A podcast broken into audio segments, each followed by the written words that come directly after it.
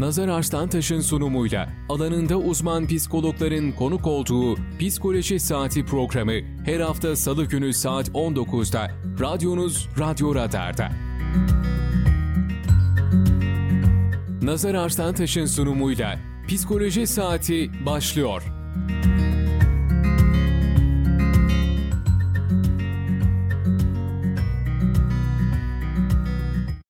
Radyo Radar dinleyicileri ve Kayseri Radar takipçileri Psikoloji Saati'nde birlikteyiz. Ben program sunucunuz Nazar Arslantaş. Ee, son dönemde ülkemizde yaşanan depremler hepimizi oldukça derinden etkiledi ve üzdü. Depremde hayatını kaybeden vatandaşlarımıza Allah'tan rahmet, sevenlerine başsağlığı diliyor ve geçmiş olsun dileklerimizi iletiyoruz. Bugünkü yayınımızı psikolojimizi e, biraz daha rahat hale getirebilmek adına yapıyoruz. Umarım tekrarını yaşamayız e, diyelim ve artık yayınımıza geçelim. E, bugünkü konuğumuz psikolog Berat Hazar olacak. Berat Bey hoş geldiniz. Hoş bulduk. Teşekkür ederim öncelikle yayına davet ettiğiniz için. Ben de sizin aracılığınızla tüm ülkeye geçmiş olsun diyorum. Nasılsınız? Çok teşekkürler. Siz nasılsınız? Bizler de iyi olmaya çalışıyoruz. Ee, öncelikle sizinle başlamak istiyorum aslında. Ee, deprem anını konuşacak olursak siz bir psikolog olarak e, neler yaptınız? Yani aslında burada e, normal bir insandan çok da farklı bir şey yaptığımı söylenemez. E, çünkü bir e, doğal afet yaşıyoruz ve bir korku tepkisi veriyoruz. Lakin tabii ki bizim yaptığımız şeyler ancak e, deprem anından sonraki süreci yönetebilme üzerine belki farklılıklar yaşayabiliriz. Bunu da zaten birazdan e, detaylı olarak neler yapılması gerektiği ve ne, bu süreçten sonra neler olması gerektiğine dair sorularda da cevaplayacağım. Ama bir psikolog olarak o anda yoğun bir korkuyla gelen bir afet olduğu için Sanırım. ko- korku tepkisinin gerektirdiği her şeyi yapmak zorunda kalıyoruz tabii ki. O zaman e, kendisi de e, öyle görünüyor ki pek fazla sakinleştiremediniz. Aslında mesleğiniz orada devreye girmedi. Yani mümkün değil. Ev, evdekileri sakinleştiremedim. E, çünkü bir korku, ani bir korku ve süreyen şekilde gelişiyor ve yaşanan bu depremde gerçekten üzücü, çok uzun sürdü. E, ilk kez herhalde Kayseri'de bu kadar büyük bir Evet. his yaşanıyor değil mi? Evet. E, bunun da getirdiği bir tabii ki yoğun bir korku oldu. Ee, bir de depremin merkezi Kayseri olmamasına rağmen, e, Kayseri de deprem merkezinin çevre illerinden birisi. Ona rağmen bu kadar hissettik aslında depremi. Peki şimdi biz psikolojik olarak neler yaşıyoruz? Şu anda tabii ki e, aslında psikolojik olarak e, çok normal şeyler yaşadığımızı söyleyebilirim. E, öncelikle bilmemiz gereken şey kesinlikle bu. E, yaşadığımız tüm belirtiler şu anda akut bir afet tepkisinden dolayı çok normal. Önce bunun %100 bir farkındalığına erişmek zorundayız. Çünkü herkes acaba çok yoğun bir şey mi yaşıyoruz e, ya da çok yoğun kalıcı bir şey mi yaşıyoruz? Verdiğimiz tepkiler acaba çok mu e, olağan dışı diye düşünüyorlar. Lakin yaşadığımız olay olağan dışı bir olay. Evet. E, olağan dışı bir olaya da olağan bir tepki vermek bence çok da mümkün değil. Şu anda yaşadığımız tüm belirtiler e, bir nebze çok normal diyebiliriz. Çünkü bu, bu tür doğal afetlerde ani ve yüksek dereceli bir belirti geliyor. E, ve bu olaya bizim çok hafif bir tepki vermemiz de beklenemez. İsterseniz biraz bahsedeyim şu Tabii anda ki. yaşadığımız belirtilerden ve normal olduğuna dair öncelikle bir bilgimizin olması gerektiğini söyledi, söyleyeceğim belirtilerden. Çünkü bu belirtilerin normal olduğunu bilmek bile aslında insanları bir nebzede rahatlatacaktır. Neler yaşıyoruz şu anda? Tahminimce bir korku belirtisi yaşıyoruz. Kesinlikle evet. Beynin gönderdiği bir savaş ya da kaç tepkisinin sonuçlarını yaşıyoruz. Bir kalp çarpıntısı yaşıyoruz. Uykularımızda bir bozukluk var. Ee, belki terlemeler yaşıyoruz. Duygularımızda ani iniş çıkışlar yaşıyoruz. İştahımızda problem yaşıyoruz. Hafızamızda problem yaşıyoruz. Yeme problemleri yaşıyoruz. Ve belirsizliğin getirdiği bir şüphecilik var içimizde. Ne olacağını bilmek üzerine bir talebimiz var aslında istemeden. Tabii ki geleceğe dair bu ne olacağını bilmemize e, bizi götürecek herhangi bir etken bulamayacağız. Şu anda içinde bulunduğumuz geleceğe dair bir kuşku ve bunların getirdiği bu çarpıntılar, da, nefes darlıkları, klasik bir korku tepkisi. E, aslında bunların hepsi e, çok normal. Şimdi bu durum bizlerde bir travma ya da bir fobi e, oluşturabilir mi? Yani hani benim artık deprem fobim var ya da ben be, bende deprem travması var diyebilir miyiz? Bunun için çok erken. İşte dediğim gibi şu dönemde bir akut dönemin içerisindeyiz. E, seanslarda ve klinikte verdiğimiz tavsiyeler bile şu anda aslında devre dışıdır. Çünkü birçoğu şu an şu anda hiçbir şekilde işe yaramayacaktır. Akut dönemde verilen tepkilerin normalliği gibi çok yoğun üst düzey bir derecede değilse yani şu anda evde durmak evin içindeyken kendimizi bir e, balkondan atma isteği herhangi bir deprem anı yokken bu tür olağan dışı yani olağanın üst düzey dışında tepkiler vermiyorsak eğer onun dışında şu anda bir fobiniz var ya da bir deprem korkusu içinize işlemiş diyemeyiz. Peki bunu ne zaman diyebiliriz? Tam olarak ona e, gelecektim. Şimdi aslında bir deprem fobimiz olmasa bile e, ya da bir deprem travmamız olmasa bile e, bundan belli bir süre sonra bence bir uzmana ihtiyaç duyacağız. Son dönemde yaşadığımız depremle alakalı. E, peki bunu ne zaman hissederiz? Ne zaman, ne kadar süre sonra bir uzmana ihtiyaç duyarız? Yani bir uzmana ihtiyaç duyabilmemiz için aslında bunun olumsuz etkilerini beklememize çok da gerek yok. Ya bu şu anda yaşanan durum içinde, hayatımızın geneli içinde bir uzmana, bir uzman desteğine başvurmak için e, tıbbın geri kalan alanlarındaki gibi %100 bir fizyolojik ya da psikolojik etkiyi beklememize çok da gerek yok. Lakin şu an az önce saydığım bu normal olan belirtiler, e, bunlar eğer ortalama 1-1,5 ay içinde çok da akuttan kaynaklı bir, bir buçuk ay. Hiçbir sebepsiz şekilde gelişen bu tür belirtiler olsaydı buna en azından bir 4-5 aylık süreç verebilirdik ama yoğun bir belirtinin ardından gelen bir, bir buçuk ayda hiçbir değişme kendinizde gözlemiyorsanız eğer %100 bir şekilde psikolojik bir destek almanıza kesinlikle ihtiyaç vardır diyebiliriz. Ama bana sorarsanız bence o süreyi çok da beklemeye gerek yok. Çünkü karşınızdaki uzman eğer bunun sizin için ciddi bir risk oluşturacak durum içinde olmadığınızı fark ederse ki fark edecektir. Bunu zaten size söyleyecektir. Ee, Şimdi biliyorsunuz e, dün itibariyle aslında şehir bomboş kaldı. İşte Evet. insanlar köylerine, bağ evlerine ya da şehir dışlarına çıktılar. Ee, Çok uzun süredir de yani çok uzun süredir değil ama bir süredir Kayseri'de herhangi bir sarsıntı, sallanma hissetmiyoruz. Ama yine hala işte bu gece evde kalmamalıyız. İşte bu gece evimize dönmemeliyiz diyen vatandaşlarımız var. Ee, Bu panik hali ne kadar sürer? Yani ne kadar daha evimize gitmekten korkacağız? Şimdi bu bunun oluş sebebini aslında önce size anlatmam gerekiyor ki bunu ne zaman geçebileceğine dair bir yorum yapabilelim. Çünkü insanların şu anda bu isteğinin olmasının tek sebebi az önce de söylediğim gibi bir belirsizlik içinde olmak ve insan beyni asla hiçbir belirsizliği sevmez. Ee, ve konfor alanlarının olmadığını düşünmekten geliyor. Evet. Şu anda kendimizi belki de e, bulunduğumuz evlerin içinde çok da konforlu hissetmiyoruz. Bizi biraz daha rahat hissettirebileceğini düşündüğümüz yerlere geçiyoruz. Bu tamamen beynimizin bir yorumlaması. Buna akut bir e, dönemde olduğumuz için yanlıştır veya doğrudur diyemeyeceğim. E, lakin böyle bir dönemin içinde olmasaydık tabii ki bu davranışlar bizim çok yoğun bir kaygı belirtisi içinde olduğumuzu yani bir anksiyete bozukluğu içinde olduğumuzu gösterebilirdi. Şu anda e, kendimizi nerede konforlu hissediyorsak oranın içinde olmamız bizim için daha iyi olacaktır. Lakin bir de bunun dışında şu anda bir e, doğal felaket olduğu için dünyanın genelini konforlu hissetmeyen yapıda bir belirti gösteren kişiler de var. Yani hiçbir şekilde kendini konforlu hissetmiyor. Yani bir arabanın içinde boş bir alandayken bile e, acaba kötü bir felaket gerçekleşebilir mi diye düşünceye yol açıp daha üst düzey belirti gösteren kişiler de var. Bu mesajları sosyal medya hesaplarından ya da birebir olarak alıyorum. Konforlu hissetmemiz gerekiyor. Bunun için ne yapmalıyız? Şu anda çünkü o kadar farklı yerlerde kalan insanlar var ki. Yani çadırlarda ya da KYK yurtlarındaki kişiler büyük ihtimalle belli bir yere toplanmış. Böyle mesajlar alıyorum çünkü. Bayağı hasarlı yerler varmış. İnsanlar burayı tabii ki benimseyemiyorlar en başta. Çünkü çok garip geliyor ve bu durum onları kötü etkiliyor. Aslında bu açıdan bakarsak evet kötü etkileniriz. Lakin şu anda yapılan tüm davranışlar aslında daha fazla konforlu olmamız için. Yani bir hasar var ve bizi insanlar buradan alıp daha güvenli, belki sadece e, lüks olarak daha konforsuz bir yere getiriyorlar ama sağlığımız için daha konforlu bir yerdeyiz. Kısa bir süre sürecek bu.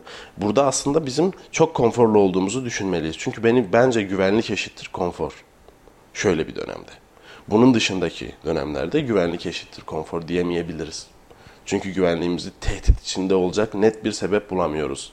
Ama şu anda var. E, belirsizlik içinde herkes. Bu da insanları yoruyor. O yüzden güvenli gördüğünüz yer konforlu olan yerdir.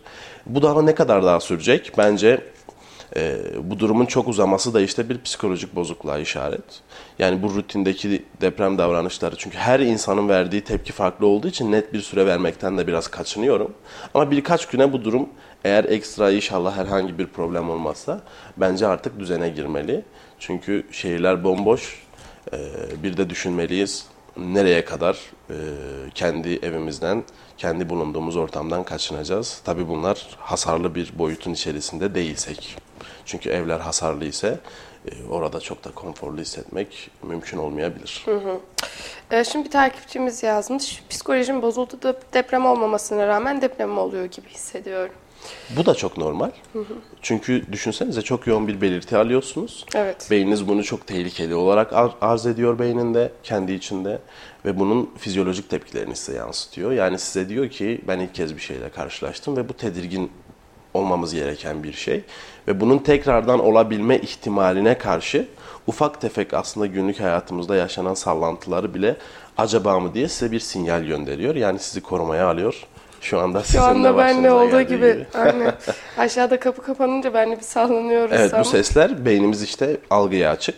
Acaba tekrardan mı oluyor? Bunu niye yapar bir beyin? Sizi korumak için. Yani acaba çok mu tehlikeli bir durumun içerisindesiniz diye. Ama bu algının açıklığı bizim bunun hissiyatına açık olduğumuzu gösterir ve her sesi duyacağımız anlamına gelir. Yani gece bir musluktan akan damla sesini duymak gibi ya da bir uçak fobisi olan kişi de siz normal bir şekilde dururken uçak henüz hareket etmiyor. Genelde öyle söylerler. Uçağın sanki zemin üstündeyken daha hareket etmemişken bile sallandığını hissederler. Çünkü algılar açık, korku yüksek. Evet. Önce ne, neden korktuğumuzu bulmamız gerekiyor. Bunun gerçekleşme ihtimalinin derecesini kendimize hatırlatmamız gerekiyor. Bu şu an çok normal. İleride devam ederse bir problem. Şu anda olmasının sebebi de yüksek derecede korku. Yani olmasını istemeyen beynin gönderdiği bir mesaj. Yani şu anki süreçte aslında normal geceleri... Evet ama normal olduğunu farkında olmak önemli. Evet. Korkabilirsiniz ama bu yaşadığınız şeyin normal olduğunun farkında olmalısınız. İşte bir masada toplu şekilde oturuyoruz. E, masada herhangi birinin ayağı bile çarpsa e, sallanıyor muyuz etkisi oluyor. E, sizin de söylediğiniz gibi zannediyorum ki bu süreçte çok normal. Kesinlikle. E, şimdi takipçimizin sorusu daha var. E, çocuklara nasıl bu durumu anlatmak gerek? Benim kuzen devamlı soruyor. Çocuk 5 yaşında demiş. Şimdi bu e, çocukların evresinden evresine çok değişiyor. 5 yaşındaki bir çocukla bunu çok net bir şekilde e, konuşmanız çok mümkün değil. Daha böyle bir üst yaş dilimlerinde olan bir çocukla bu durumu açık açık konuşmanız gerekebilir. Hı. Lakin burada çocukları aslında bu durumu anlatmak yerine böyle biraz daha oyalayıcı bir tavra girip çocukları oyun merkezlerine götürmek eğer güvenliyse e, ya da çocukları oyalayacak herhangi bir davranış sergilemek, çocuklarla fiziksel temas kurmak önemli. Çünkü büyük ihtimalle yanınızdan ayrılmayacaklar e, eteğinize yapışacaklar, birlikte uyumak isteyecekler o yaş dilimindeki çocuklar. E, çünkü güvende hissetmeyecekler. Hı hı. Yani bunun olup bittiğine dair, bittiğine dair duygusal yaşantılar hissettirmemiz gerekiyor. Bunun için de önce bizim böyle davranmamız gerekiyor. Kesinlikle eve gitmiyorken artık deprem olmayacak diyemeyiz çocuğa. Evet. O yüzden çocuğa bunun bittiğine dair artık duygusal e, göndermeler yapmamız lazım ve oyalayıcı davranışlara girmemiz lazım. Bu da bu söylediklerimi öncelikle tekrardan belirteyim. E, belki iki ay sonra bu konuyu konuşsak bunları söylemeyebilirim. Ama akut dönemde yapmamız gereken şey bu. Daha üst ev dönem çocuklarda yani ergenliğe yakın e, çocuklarla bu durumu net bir şekilde konuşmamız lazım. Zaten e, muhtemelen farkında olacaklar bu Ve durumun. duyguları konuşmamız lazım. Yani deprem olduğuna dair e, herhangi bir deprem var bitecek bitmeyecek diye değil. O çocuklar tabii ki bunun farkında olacak yaştalar. Onlarla duygularını ve düşüncelerini konuşmamız lazım. Ee, hangi yaş dilimi olursa olsun bağımızı fiziksel temaslarla gösterelim. Ee, insanlar birbirini yalnız hissetmesin. Ee, destek zor zamanlarda daha güzel. Ee, bu duygular o zaman daha anlamlı oluyor. Çocuklar için ekstra daha anlamlı. Ee, şimdi bu mesela örnek veriyorum bir kişide panik atak var. Hı hı. Ee, işte deprem anları ya da depremden sonraki zamanlar. İşte az evvel bahsettik ki işte e, özür diliyorum masada işte birinin ayağı çarpsa e, işte acaba sallanıyor muyuz etkisi oluşuyor. Peki panik atak olan, e, panik atağı olan insanlarda e, onlara neler tavsiye edebilirsiniz? Şimdi önce şunu söyleyeyim size. Ee, panik ve panik atak farklı şeyler. Yani şu anda yaşadığımız şey bir sadece panik durumu olabilir. Eğer o ana özgü yaşanan bir durumsa bu. Yani o an e, deprem gerçekten insanları korkutan bir doğal afet. Çünkü e, hem kendinizi hiç güvende hissedemiyorsunuz hem de çok yoğun e, kulaklarımız seslere maruz kalıyor. Eğer o an o bir panik atak hastası yani panik atak geçiren bir kişi çünkü yaşadığı belirtilerin ne olduğunu çok iyi bilir. E, sadece o an yaşanmış ve sonrasında devam etmemişse bu tekrardan e, ataklarınız süreyen bir şekilde devam ediyor diyemeyiz. Yani bunların ayrımını iyi yapmamız gerekiyor. Onun dışında da her insanın panik olması şu anda o an çok normal. Eğer ataklar devam ediyorsa sorduğunuz kitle o, o kitle sanırım. Belli atakları yaşamış ve devam etmeye başlamış. Ee, bunun için e, kısa bir sürede desteğe devam etmeleri gerekiyor. Ee, ama önce şunu bilmeleri lazım. Eğer bir atak döneminde daha önce bir atak dönemine girmişler, destek almışlar, bu durum hafiflemeye başlamış ve şimdi bir tetikleyiciyle tekrardan böyle bir şey hissetmeleri, tekrardan en başa döndükleri anlamına gelmez. Ufak bir müdahaleyle, birkaç görüşmeyle tekrardan eski raylarına oturabilirler. Lakin bunu aksatmasınlar. Ee, kısa bir süre içinde o bahsettiğiniz kitle desteğe başlamalı. Tavsiye edeceğim şeyler de tabii ki aslında... e, Şimdi buna yayınımızın sonunda e, devam edelim. Tavsiye edeceğiniz Tamam, konularda. okey. E, şimdi peki normal e, böyle herhangi bir rahatsızlığı ya da panik hata vesaire olmayan e, insanlarda kalıcı hasarlar. Ya Kayseri için konuşuyorum. Kayseri'de biliyorsunuz öyle e, büyük bir işte enkaz vesaire durumu yaşanmadı. E, burada yaşayan insanlarda kalıcı hasar bırakabilir mi? Yani kalıcı hasardan kastım e, tedavi almasını ya da bir seans almasını, bir seans dönemine girmesini gerektirecek bir hasar bırakabilir mi? Ee, yorumumu o zaman şöyle tekrardan hatırlatayım. Ee, bence herkes bir destek almalı. yani bu böyle bir dönemin içinde olduğumuz ya da olmadığımız bir anda olmasına gerek yok. Bu da e, yani herhangi bir şekilde psikoloji mesleğinin geleceğini düşündüğüm için değil, insanların geleceğini düşündüğüm için. Çünkü destek her zaman önemlidir. İlla bu tür durumlarda alınması gereklidir veya alınmalıdır diye bir şey yok. Ama tabii ki yaşadığımız bu olay bizim klinik deneyimimizde gördüğümüz kadarıyla söylüyorum. Çünkü hatırlarsanız geçen yılda Kayseri'de ufak bir sarsıntı olmuştu.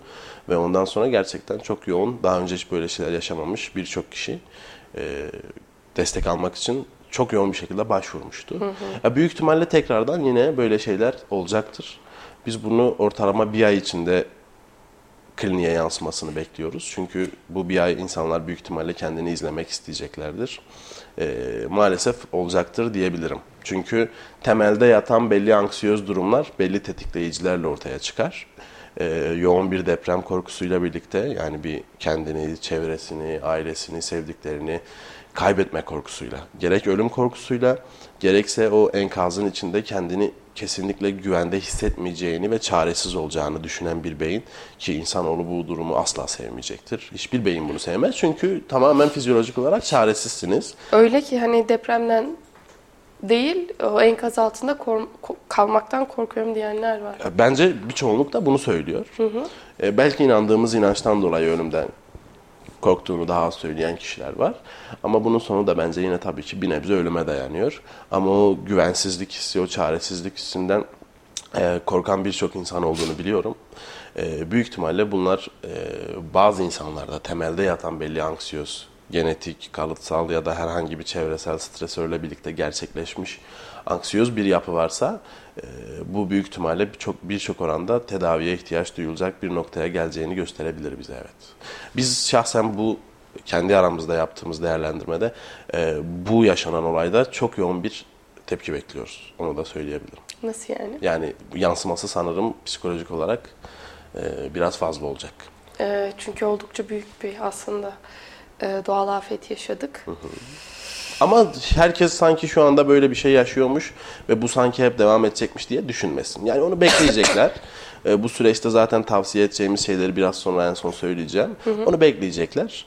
Ee, eğer tavsiyelerle birlikte duygu, düşünceleri ve davranışlarında zamanla herhangi bir düzelme olmazsa, herkes şu anda acaba ben de öyle olacak mıyım diye korkuyor olabilir ama bu bahsettiğim oran e, yani 10 kişinin belki ikisinde, 20 kişinin belki üçünde olabilecek şeyler.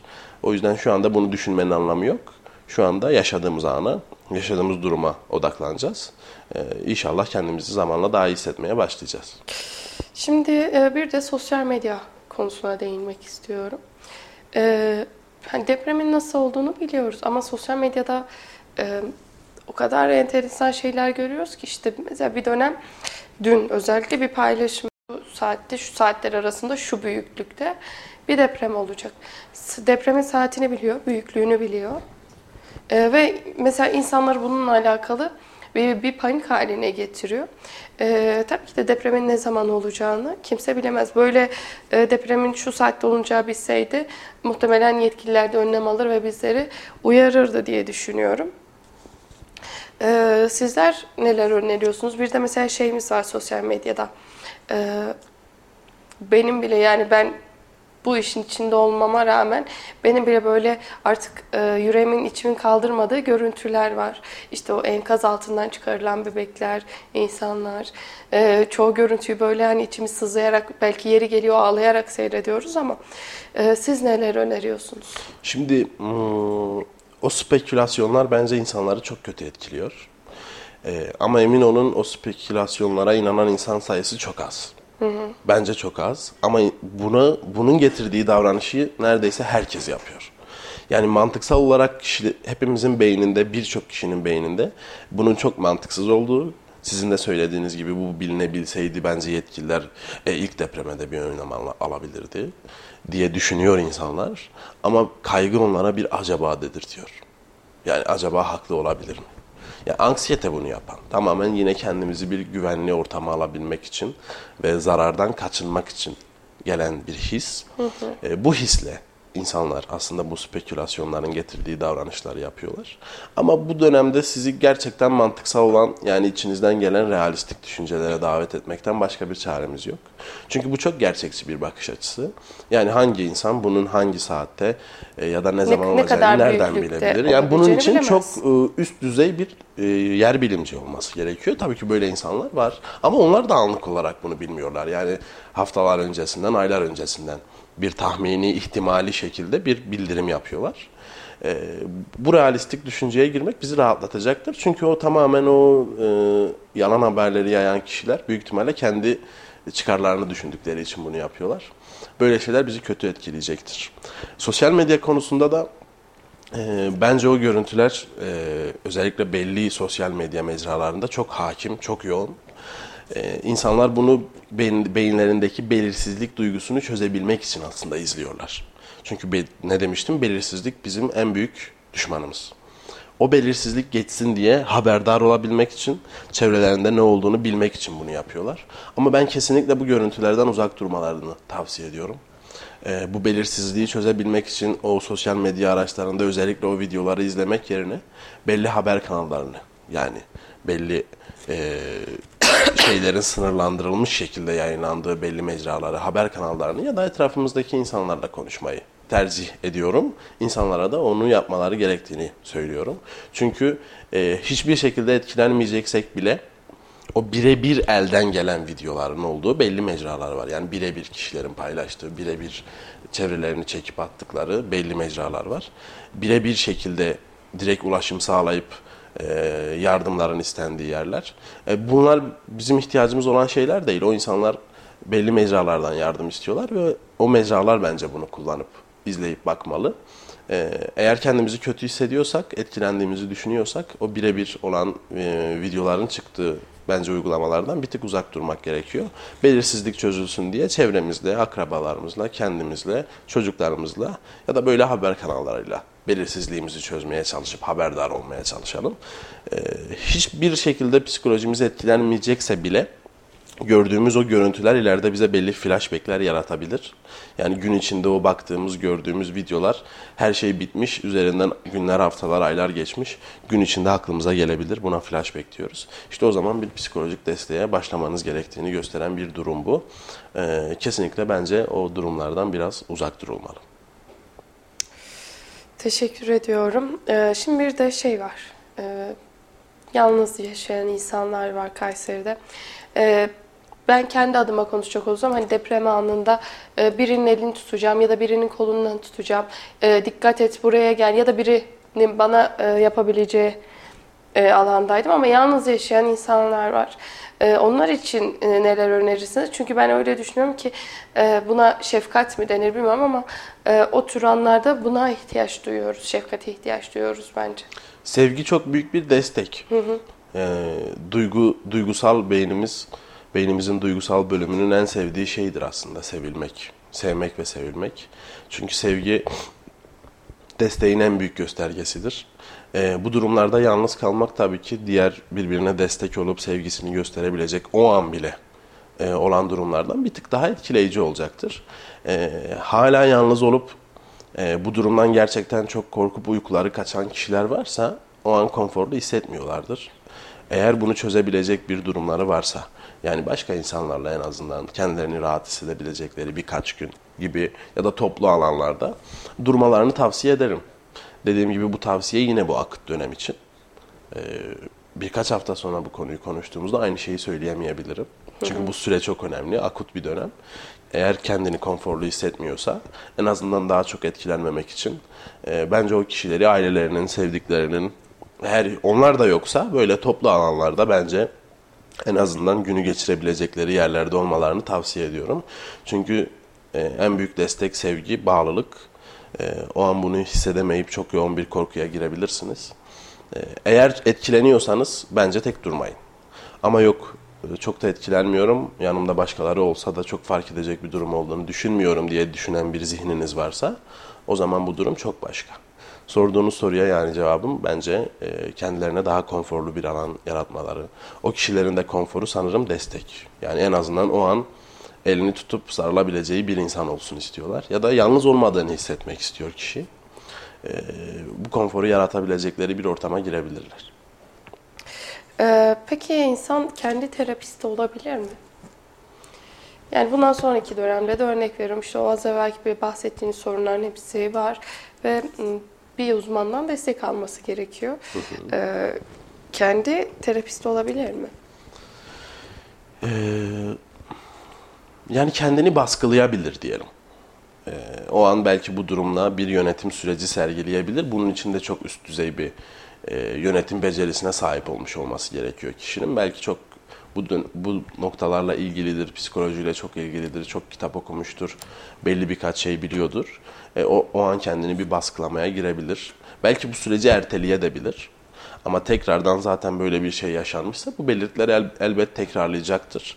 Böyle bir durumda tekrarlamayacaksa başka durumlarda tekrarlayacaktır. Böyle bir şey olduğu zaman yine tabii ki bir desteğe ihtiyacımız var. Terapisti olamaz diyelim. Çok zor. Bunun için çok yoğun bir bilgiye sahip olması gerekiyor. Ama kendini erteletebilir. Ama bu da büyük bir problem. Çünkü biz e, seanslarda aslında insanlara gelecekte de karşılarına çıkabilecekleri bu ve benzeri durumlarda neler yapabileceklerini öğretiyoruz. Yani terapinin hedefi gerçekleşmişse eğer bir seansta yani bir psikolojik süreçte bu hedeflerin içinde kişinin gelecekte de bu durumlarla baş edebilme yöntemlerini öğrenmiş olması gerekiyor. Zaten bunlar eğer çok da gerçekleşmemişse o terapinin hedefi de gerçekleşmemiştir. Ee, şimdi aslında yavaş yavaş yayınımızın sonuna geliyoruz. Ee, sizin tavsiyeleriniz neler? Yani aslında e, Kayseri'deki vatandaşlara kendilerini bir nebze de olsa daha rahat hissedebilmeleri adına. Şimdi e, yaşadığımız bu afet ülkenin birçok noktasını etkiledi. Yani neredeyse ülkenin dört bir tarafından bu durumu hissettik diye mesajlar geliyor. Ee, siz de gayet bunu iyi biliyorsunuz. Ama bizim en azından bulunduğumuz şehir ve benzeri birkaç şehirde bence etki çok fazla oldu. Hissedilen etki. Belli yıkım olmasa da e, inşallah bundan sonra da olmaz. Çünkü ilk kez karşılaştığımız bir şey. Aynı koronavirüsteki gibi. Çünkü ilk kez böyle bir şeyle karşılaştık. Bu kadar yoğun olan bir şeyle karşılaştık ve tekrardan söylüyorum bir belirsizliğin getirdiği bir tepki yaşıyoruz. Önce şunu bileceğiz. Biz bu durumla nadir karşılaştığımız için en azından bu şehirdeki insanlardan bahsediyorum. bir tık daha fazla etkilenmiş olabiliriz. Önce bunu bileceğiz. Sonra az önce saydığım o belirtilerin şu dönemde yani şu anda fizyolojik olarak kendinize ve çevrenize zarar vermiyorsanız, psikolojik manada kendi hayatınızla ilgili olumsuz senaryolar yani bu hayatı bitirebilme üzerine senaryolar çizmiyorsanız, yaşadığınız tüm belirtiler normaldir. O yüzden bu durumun normal olduğunu bilerek hareket etmeye başlamamız lazım. Çünkü çok yoğun bir sıkıntı içinde olduğunuzu, bu durumun normal olmadığını düşünmeye başladığınız anda uykularınız kaçar, düşünmeye başlarsınız. Ne kadar süreceğini düşünmeye başlarsınız. Bunu nasıl çözeceğinizi düşünmeye başlarsınız. En önemlisi bu. Kendi hayatınıza ve başkasının hayatına zarar verecek bir beyninizde senaryo geçmiyorsa eğer, şu anda yaşadığınız her şey çok normal. Önce bunu bileceğiz. İki, duygularımızı paylaşacağız. Duygu ve düşüncelerimizi paylaşmamız lazım. Birbirimizle konuşmamız lazım. Bunu sosyal medyadaki e, sanal ortamda değil de reel ortamlarda yapmamız bizim için çok daha önemli. Çünkü bu paylaşım bizi mutlaka bir nebze hafifletecektir. Ee, ve insanların da aslında bizle birçok şeyi benzer yaşadığını fark ettiğimiz ve gördüğümüz için biraz bize bir rahatlama getirecektir. Çünkü yalnız olmadığını hisseden insan e, sırtındaki yükü diğer insanlarla paylaştığını düşünür ve e, baskılanmışlığı azalıp biraz daha dik durabilir. Psikolojik manada da, fizyolojik manada da. Onun dışında bu durumları ertelemek için alkol, uyuşturucu gibi maddelerden kesinlikle uzak durmamız lazım. Çünkü bu e, emin olun şu anda bizim bu durumu ertelememize sebep olabilir fakat bizi gelecekte çok kötü etkileyecek. Gelecek dediğimde çok yoğun bir uzak dilim değil. E, birkaç hafta sonra bu durumun çok yoğun belirtilerini yaşayabilirsiniz. Genelde o kişilerden de şöyle tepkiler alırız. E, şu anda çok kaygılı hissediyorum ama niye hissettiğimi bilmiyorum. Çünkü o an kaygılandıracak bir şey olduğunu düşünmüyor ya da hissetmiyor. Geçmişte bu durumu baskılayıp ertelediği için aslında şu anda e, herhangi bir sebep, güncel bir sebep olmadığı halde yoğun kaygılar yaşıyor. Bu tür baskılayıcı maddelerden uzak duruyoruz. Kendimizi bu dönemde oyalayacak şeylerle meşgul edelim. Sevdiğimiz şu dönemde yapabileceğimiz, sevdiğimiz şeyleri yapmaya çalışalım. Ee, insanlarla sohbet edelim, konuşalım. Ailemizle vakit geçirelim, çocuklarla vakit geçirelim. Gidebildiğimiz yerlere gidelim. Konfor alanımızı ufak da olsa sağlamaya çalışabilirim. Yani sizler ailece bir restoranda yemek yemeyi seviyorsanız ve bu dönemde de böyle bir imkandan faydalanma şansınız varsa eğer bundan kendinizi çok da kısıtlamayın. Çünkü e, hem çok tehlikeye atacak bir şey değil. Ya da gezmeyi seviyorsunuzdur. Böyle sağda solda bir iki ağaç görmeyi seviyorsunuzdur. Bir manzaraya bakmayı seviyorsunuzdur. Ufak tefek bu konforları yaratmaya başlayabiliriz. Bunlar da bize iyi hissettirecek. Ama en temel söylediğim şey, en önemlisi e, belirttiğim o hayati işlev dışındaki yaşadığınız her şeyin sadece normal olduğunu bilin. Bu sizi çok rahatlatacak bunu da bazen şey diyorlar, bizi rahatlatmak için mi söylüyorsunuz gibi şeyler söylüyorlar ama ilgisi yok. Her neyse, neyse gerçek onu söylüyoruz. Bizim işimiz bu. Gerçeklikten uzaklaşamayız. Hepsi çok normal. Bunun anormal bir durum olabilmesi için çok uzun bir zaman geçmesi gerekiyor. Ee, öyle bir şey olduğu zaman zaten bir desteğe başvurursunuz. Tekrardan teşekkür ediyorum. Ben teşekkür Ayrı eklemek istediğiniz bir şey var mıydı? Yok. Herhangi bir şey yok. Sadece herkese çok geçmiş olsun. Ee, in, inanın ben de onlar kadar korktum. Ee, biz de bir gün evimizden uzak kalmak zorunda kaldık.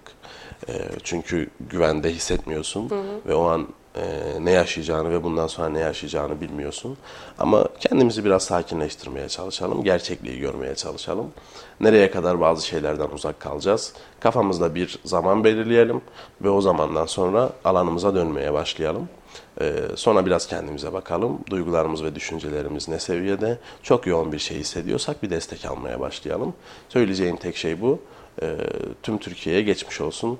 Ee, Allah bir daha benzerini inşallah yaşatmasın. Teşekkür ederiz. Değerli Radyo Radar dinleyicileri ve Kayseri Radar takipçileri Psikoloji Saati'nin sonuna geldik. Konuğumuz Berat Azar'a e, bize kattıkları için bir nebze de olsa e, bizleri rahatlattığı için teşekkür ediyoruz. Bu yayını da tekrarlıyorum.